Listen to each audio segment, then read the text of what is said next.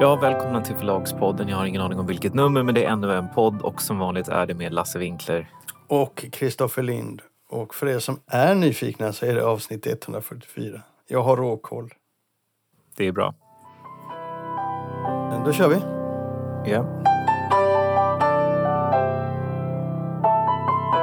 Nu ska vi köra en riktig rykare. Hur spännande som helst och hur intressant som helst. Nej, det vet jag inte. Mm, det är nördigt. Det är nördigt, ja. Jättenördigt. Och vi ska då prata om vad då? Eller du ska prata om, för du har läst en bok. Ja, precis. Jag har läst en bok. Natur och kultur har fyllt 100 år och det är ju en ansenlig ålder för ett förlag. Och eh, de har firat detta med en stor fest. Och de har också gjort en jubileumsskrift, en jubileumsbok. Och det är en riktigt stor, enormt stor fin bok i rött och guldband och eh, ja, den är liksom i stort format och, och, väldigt fin. Och den har jag faktiskt läst från perm till perm och det tror jag inte så många har hunnit göra ännu. Du är absurt nördig, det förstår du va? Ja, jag vet. Jag är faktiskt absurt nördig men jag tyckte att det har varit nästan oupphörligt intressant. Och eh, det finns ju då tidigare några böcker om natur och kultur. Karin Österberg som var VD 1967 till 1979, hon har skrivit en utmärkt historik över förlaget. Och så det ville man inte göra om utan man har istället gjort en antologi där olika personer skriver om olika aspekter. Det kan vara styrelsearbetet, det kan vara urkunden, det kan vara författarperspektivet och det kan vara läromedel och så vidare. Allt är givetvis inte jätteintressant men jag tycker att när man har läst den här från perm till perm så får man en ganska god bild både av historiken och grundaren och olika aspekter av det, av det hela. Men vet du vad jag tycker är mest intressant? Nej. Konstigt nog så är det faktiskt den inledande, eller inte konstigt nog, men kanske det låter lite torrt. Per Almgrens inledande text om eh, stiftelseurkunden är faktiskt det mest intressanta. Då får du väl säga att Per Almgren är nuvarande eh, chefen då? Så att... Ja, han är den nuvarande vdn. Ja. Därför att när man, om det är någonting som eh, har blivit lite av en aha-upplevelse för mig när jag läste den här boken, det är att natur, det har jag ju förstått sedan tidigare naturligtvis, men Natur och kultur är ju inte bara ett förlag utan det är en stiftelse. Det har vi alla förstått. Men det nya, och jag återkommer till varför, det är att stiftelsen håller på att bli större än förlaget. Eller stiftelsen är större än förlaget i den meningen att det har blivit en sån omfattande verksamhet. Och pengarna har blivit så enormt stora. Det finns alltså idag 1,5 miljarder i stiftelsekapital. Så lilla natur och kultur är inte en så stor del av det då? Nej, det är en ganska liten del och, och, och eh, avkastningen på kapitalet som jag för övrigt tror ligger över 2 miljarder om man räknar in fastigheten. Den är liksom större än vad förlaget någonsin kommer kunna tjäna i årsintäkter. Och det här bara växer och växer och växer och eh, den ideella verksamheten som då stiftelsen eh, ägnar sig åt, den blir mer och mer omfattande. 2010 var budgeten för den ideella verksamheten 5 miljoner och idag så är den 15 miljoner och om 10 år så är ambitionen att den ska vara 30 miljoner. Det är väldigt mycket pengar. Aha, och, ja, vi var inne på det tidigare när vi gick igenom de här priserna. Jag tror det var 10 miljoner då. Vi kom fram till att Naturkultur delar ut ungefär lika mycket eller om det till och med mer än vad Svenska Akademin gör. Mm. Sen, går, sen går inte allt till litteratur och, och så, men det går ut mycket annat också. Men det är en väldigt stor verksamhet som bara växer och växer och växer. Och inte bara så att den verksamheten finns och liksom lever vid sidan om förlagsverksamheten utan det är också så att själva stiftelseurkunden definierar och formulerar gränserna för vad förlaget kan göra. Och det är därför som jag tycker att det är intressant. För att om det, när, man, om man, när man tittar på det här så förstår man att tolkningen av urkunden och omtolkningen av urkunden verkar vara liksom en uppgift som varje ny VD har satt sig in i och alla har gjort lite sina egna tolkningar. Så de, där tolkningarna, de där tolkningarna påverkar då vad man kan göra. Ja, alltså branschen, många som är i branschen har ju alltid funderat över den där urkunden någon gång eller annan. Alla har funderat över urkunden. Ja. Och, det var alltså, och nu har jag läst den. Ja, du ska få komma till det, men vi kanske ska säga att det var Johan Hansson som startade Natur och kultur. Det var Johan Hansson som, som startade stiftelsen och det är Johan Hansson som har formulerat urkunden. Om jag inte tar Så är det. Du har helt rätt. Eh, han startade förlaget 1922 och eh, det blev en stiftelse 1947. Det intressanta, varför jag tog upp det, det intressanta är därför att Johan Hanssons preferenser styr än idag natur och kultur, vad de får lov att göra och inte göra. Och det intress ännu intressantare är ju att han faktiskt blev en fiende till sina egna preferenser men han fick leva med dem. Ja, så är det. Precis så är det. Han försökte alltså få, han blev osams med hela styrelsen. Han försökte få styrelsen att säga upp sig. Han försökte få sig själv återinsatt som VD och han gick så långt så att han försökte få han försökte ändra i stiftelseurkunden. Jag vet inte om han till och med försökte få den permitterad, liksom, men, men eh, han försökte ändra i stiftelseurkunden och blev överklagade till kammarrätten och via Länsstyrelsen och sådär. Men han misslyckades med allt detta och blev så att säga utmanövrerad. Han förlorade ju kontrollen över förlaget som ju då hamnade i stiftelsen och styrelsen. Och eh, han betraktade styrelsen mer som eh, att de skulle liksom lyssna på vad han sa och att han skulle kanske ta råd av dem. Han, han tyckte inte att de skulle ha någon makt men det är ju tydligt av urkunden att det, makten finns hos styrelsen. Och styrelsen utnämner sig själv. Men eh, det, det intressanta då det är att när, när det är en oklarhet hur man ska tolka en urkund. Alltså en urkund bestämmer allt och tolkningen av urkunden bestämmer allt.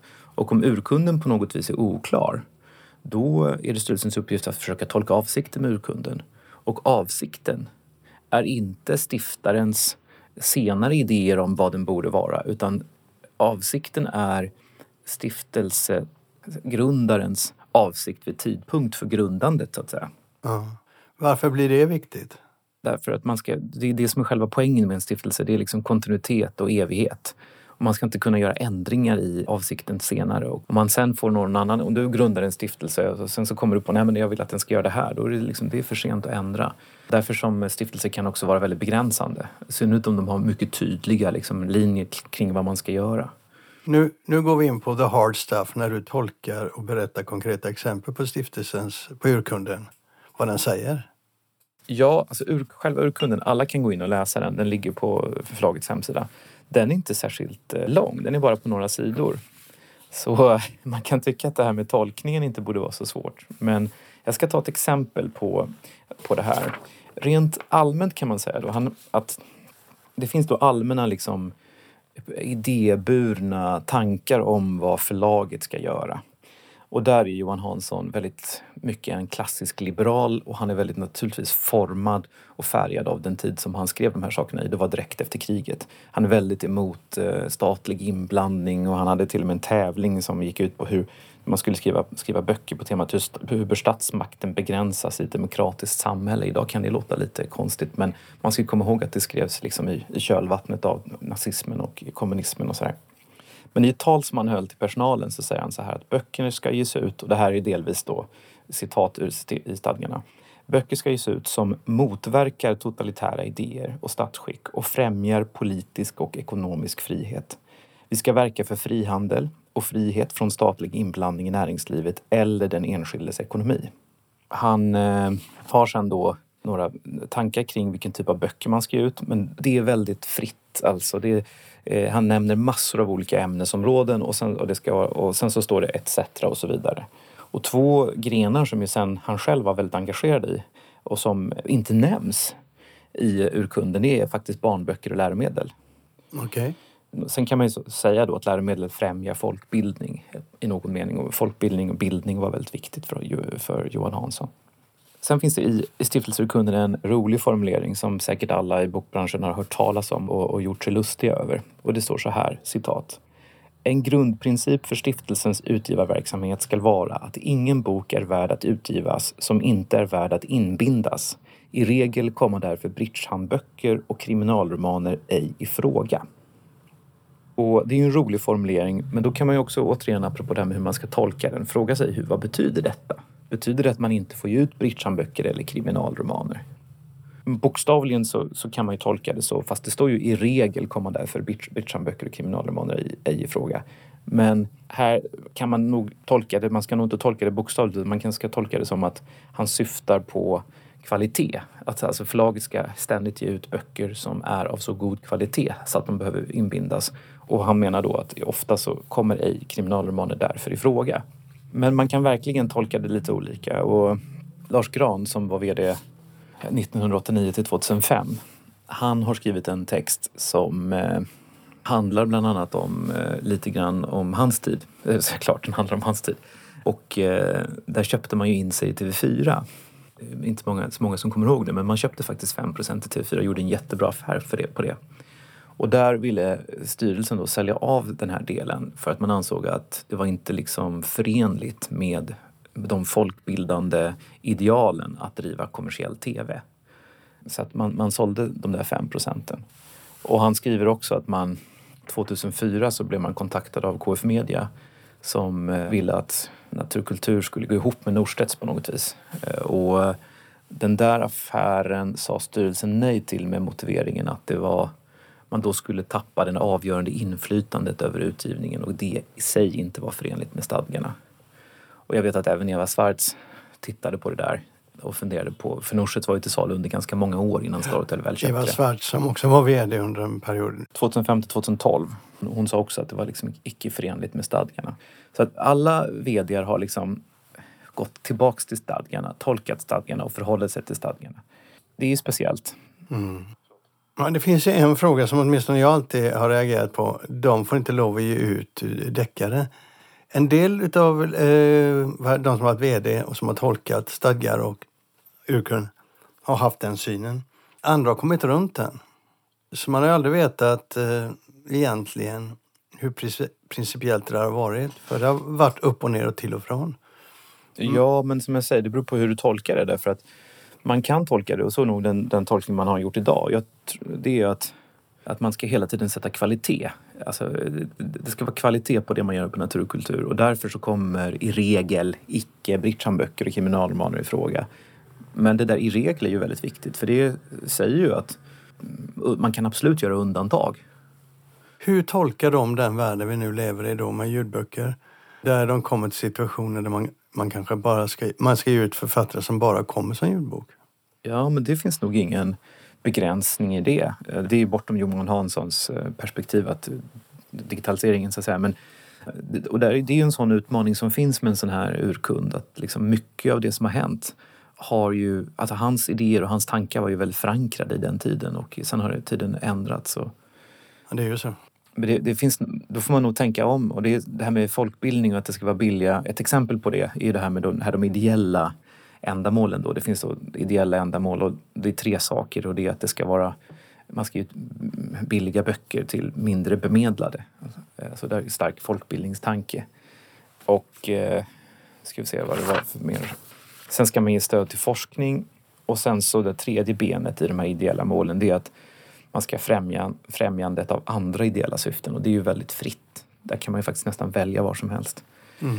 Men det här första då, särskild utgivning till reducerade priser till mindre bemedlade, det var ju kanske, det var kanske konkret fanns det ju någon, man gav ut billighetsserier med liksom faktaböcker i populära ämnen om, om, om, viktiga saker, filosofi, matematik och så vidare. Idag är kanske inte det så relevant utan då kanske man arbetar med läsfrämjande, man kanske samarbetar med olika organisationer.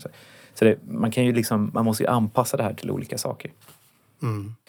Och nu har man tydligen gjort en ganska stor man har haft seminarier och workshops och liksom haft någon känd professor som är duktig på sina stiftelseurkunder och man har liksom gjort en ny tolkning av stiftelsen. Men det verkar som sagt alla ha gjort och i Lars Grans i Lars Grans text så finns det några citat som är lite kul. Han skriver så här. Citat. Vi tonade ner urkundens politiska definierade ändamål till förmån för en dialogisk idealism. Slutcitat. Vad menar han med det? Jag vet inte vad han menar med det. Men, men, han, men, men den är ju väldigt politisk urkunden och eh, han menar väl med att man dialogisk idealism, jag gissar att han menar på mer mindre liksom politiskt eh, styrda saker som syftar till ett utbyte av tankar lite mer fritt kanske. Jag har ingen aning. För Men, eh, Natur och kultur gav ju ut rätt mycket eh, böcker under Lars Gran som var, hade en, eh, en politisk, eh, ska vi säga, underton. Mm. Allt med Norman Mailer exempelvis som de gav ut hade ofta det. Och sen hade de här deckarserien som var Sveriges mest okommersiella och minst lönsamma serier där de gav ut hur många böcker som helst. Jo. Om, eh, som utspelar sig i USA och nav bland navajo-indianer. Min favoritserie, min favoritförfattare. Och jag frågade Lars Gran och han sa att nej, alltså, han såg det som en, en, en viktig uppgift för förlaget att ge ut den här för att den, det var så pass bra och den sålde inte tyvärr men det skulle fortfarande ändå ge ut den för att det var viktigt. Mm. Tony Hilleman heter författaren för övrigt. Jo, nej men alltså det finns ju, så som, så som urkunden är skriven, så finns det en jättestor frihet kring vad man ger ut. Mm. Men eh, vad gäller det med det politiska så är det ju helt uppenbart. Alltså, Johan Hansson var en klassisk liberal. Idag skulle han, tror jag, ha röstat på Centerpartiet. En klassisk marknadsliberal. Han var enormt mycket emot skatter i största allmänhet och det här var ju redan under välfärdsstatens tidiga år. Och han säger till och med i det här talet till personalen som han höll på 25-årsdagen eller vad det nu var att eh, liksom det var också, fanns också skattefördelar med stiftelsen. De finns inte kvar nu längre utan det, var, det fanns då men det, idag är stiftelsen som rörelsedrivande stiftelse helt, eh, den betalar skatt precis som vilket företag som helst. Men han, det var inte huvudskälet för honom utan det var att liksom verksamheten skulle leva vidare och säkras upp och sådär. Men han, hans politiska, han står politiskt intressant. Han talar ju väldigt mycket om ekonomisk frihet, frihandel, frihet från statlig inblandning och så vidare. Så att Ja, han var starkt antinazist, starkt antitotalitär. Men man skulle ju kunna tolka det som att det skulle kunna, man skulle kunna ge pengar till Timbro. Mm. Så det finns ju en väldigt stor frihet kring vad man väljer att göra. Apropå det här med avsikt och urkund och så. Alltså, Johan Hansson hade ju aldrig sin vildaste fantasi. Han kunde rimligen inte anta att det skulle bli så här mycket pengar. Och hur ska man då tänka kring hur man delar ut dem så att säga? För det, mm. det är liksom inte så han hade tänkt. Han hade inte fattat att det skulle bli så mycket pengar. Mm. Nu kommer din kommentar i min mun. Det här blir långt. Ja, vi får sluta nu. Det gör vi. Vi går vidare. Ja. Har du någon eh, slutkläm på det där? Ska folk, tycker du att folk ska köpa den här boken eller tycker du att folk ska läsa den framför allt? Alltså, jag tror inte den är till salu. Jag har själv fått tigga till mig ett ex. Den går inte att köpa och eh, det är mycket möjligt att man kan ringa förlaget och köpa den. Men eh, den är, den är liksom svår att få tag på. Men jag tycker att den är läsvärd men jag skulle tro att det är ganska få som kommer läsa den från perm till perm. Mm. Men eh, för de är riktigt intresserade så går det säkert att få tag på den.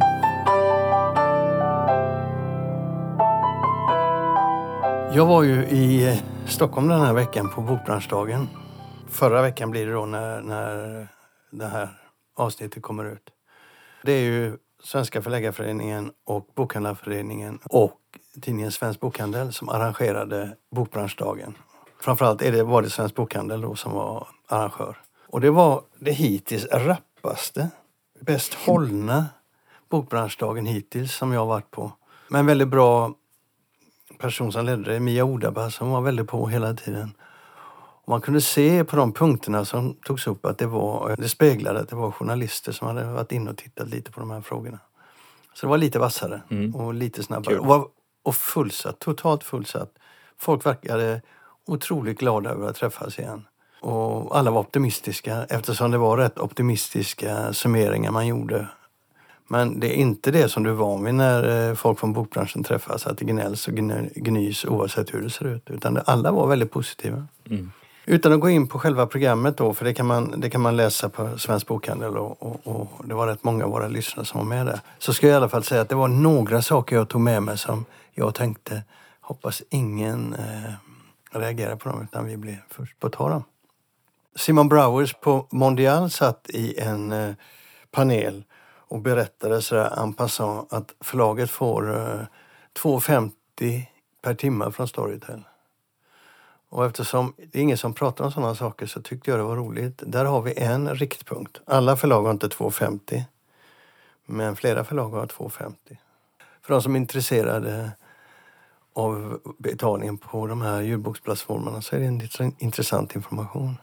Sen är ju alla, alla har ju olika avtal där exempelvis eh, i mitt avtal som ju inte alls eh, ser ut som Norsets avtal så har vi bättre ersättning på, på frontlist och lite sämre på backlist och sådär. Så ja. det, det, finns ju många, det finns ju många sätt att skruva det på och lite så. Ja. Men, Men det, ändå... det, är ju, det är ju ingen hemlighet att en, en ja, man brukar tala om ungefär att ersättningen är som för en pocketbok. Mm. Ja, men det, det, kan ju de som inte vet då ta till sig. Sen kom eh, Svensk Bokhandels katalog upp och det har alltid varit en hjärtefråga från mig, eh, för mig. För jag tycker att den har varit viktig och tycker att den är viktig. Jag är lite, alltid sur på hur förlagen presenterar sina böcker i katalogen. Väldigt snålt. Jag kände inte träffad Kristoffer eh, på något sätt. Mm. I alla fall så, så kom en fråga från åhörarna om, om den har någon framtid. Och det var alla uttalade sig då. Men den som var intressant då för mig, det var Mattias Ferenius, VD på Bonnierförlagen. Han sa att Bonniers ser fortfarande att nyttan är större än kostnaden och därför kommer de att fortsätta. Han sa Bonniers ser det som en fördel att utgivningen finns samlad och bra presenterad. Där har han då en bra sängkamrat med mig där. Jag tycker precis så. Sen eh, var det en panel som diskuterade ljudbokens ställning. Och där var VD för Mediavision, Marie Nilsson, med. Och Mediavision är ju en sån som mäter eh, mediekonsumtion i Sverige. Bland annat. Det var ju de som kom ut häromdagen med den här uppgiften att över en miljon svenska hushåll har idag ett ljudboksabonnemang. Vad hon sa då utifrån den siffran, det var det när det var en diskussion. Hon pekade på en mycket intressant sak. Hon sa det att i allmänhet så har folk en mediebudget på cirka 660 kronor i månaden i Sverige.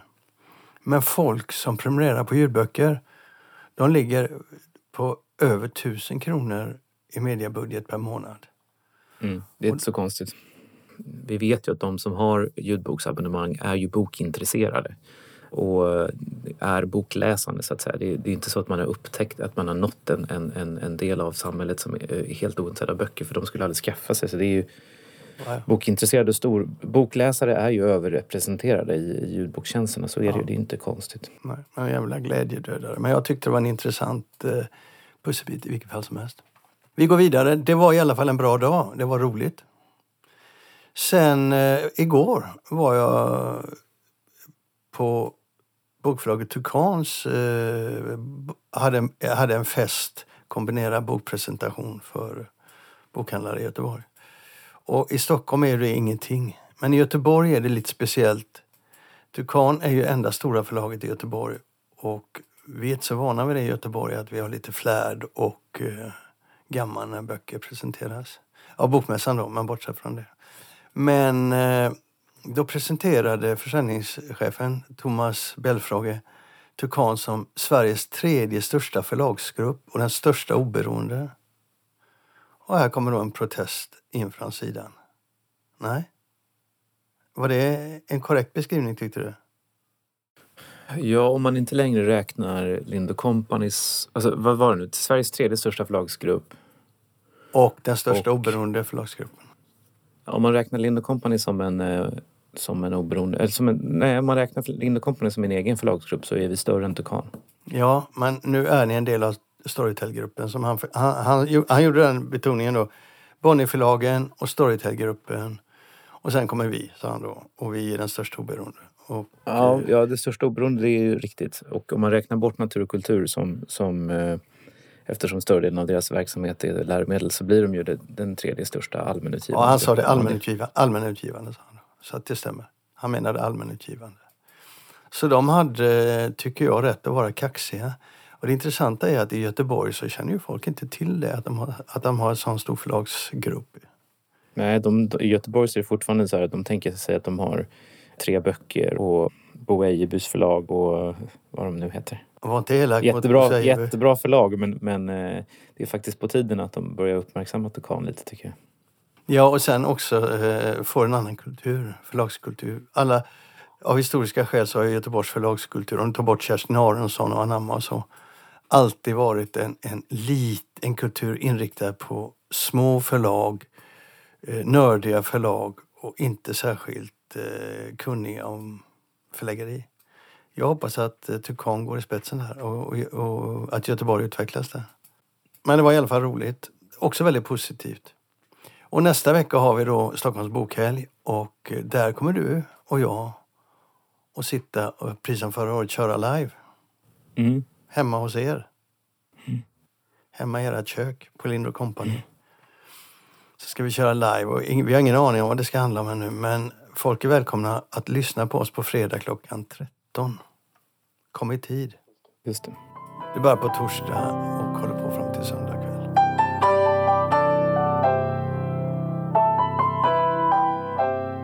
Nu ska vi gå rakt in i konflikterna.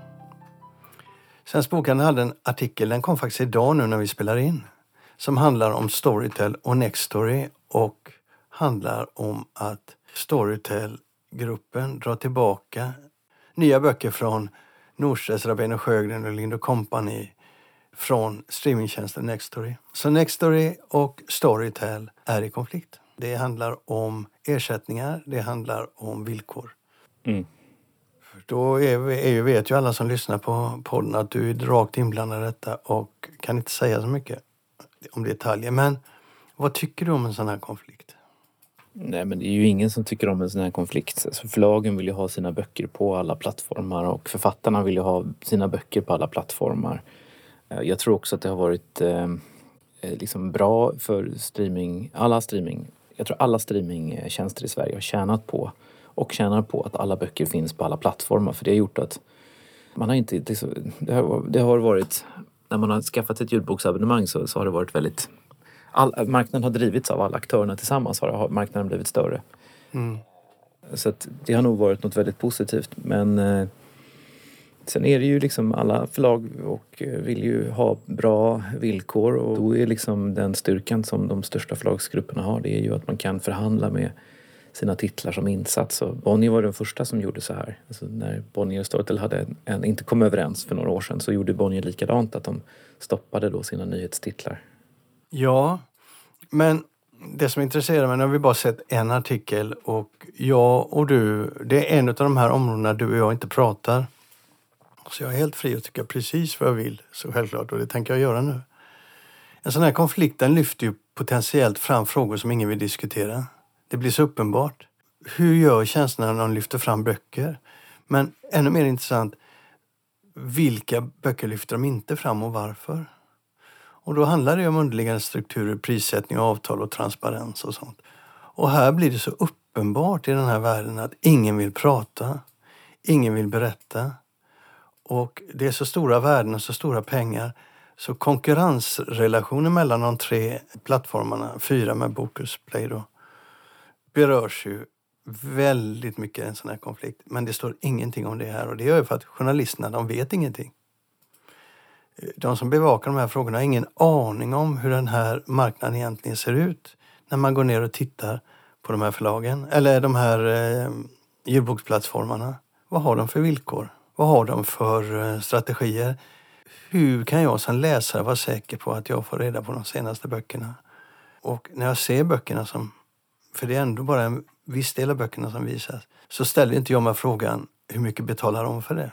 Och hur i detta visas detta? Är det i mitt intresse eller är det de andra aktörernas intresse? Ja, du ställer ju väldigt bra frågor där naturligtvis. Men du, jag ty kan tycka också lite grann att eh, du utgår från någon slags utopi där alla, ja, det, alla, all, alla streamingtjänster är någon slags demokratiska institutioner där alla böcker ska frontas lika mycket och det är ju väldigt komplext. Det handlar inte bara om kapitalister som försöker tjäna mer pengar och trycka ner konkurrenter utan det handlar ju också om att, men om du går in i, om du tar exempelvis andra eh, kanaler för bokförsäljning. Om du tar Bonniers bokklubbar där det uteslutande är Bonnierböcker som är liksom huvudböcker. Hur fint är det? Men det är de som har startat bokklubbarna. Liksom. Det är de som äger bokklubbarna. Det är så det ser ut. Om du går in på Akademibokhandeln så, liksom, eh, så, så, hittar du ett kampanjbord med, med någon bok där. Eh, numera betalar ju förlagen för eh, i stort sett allting som är, som är på kampanj på Akademibokhandeln. Det finns prislapp för precis allt. För om du ska vara på kampanj, om du är månadens bok, om du är månadens pocket, om du är månadens tips, alltså om du är på gavelplacering. Mm. Och även om du inte betalar för det så väljer de ju, gör de ju ett urval. Nu Akademibokhandeln, finns ingen, de är oberoende från förlagen så att säga, de ägs ju inte av något förlag.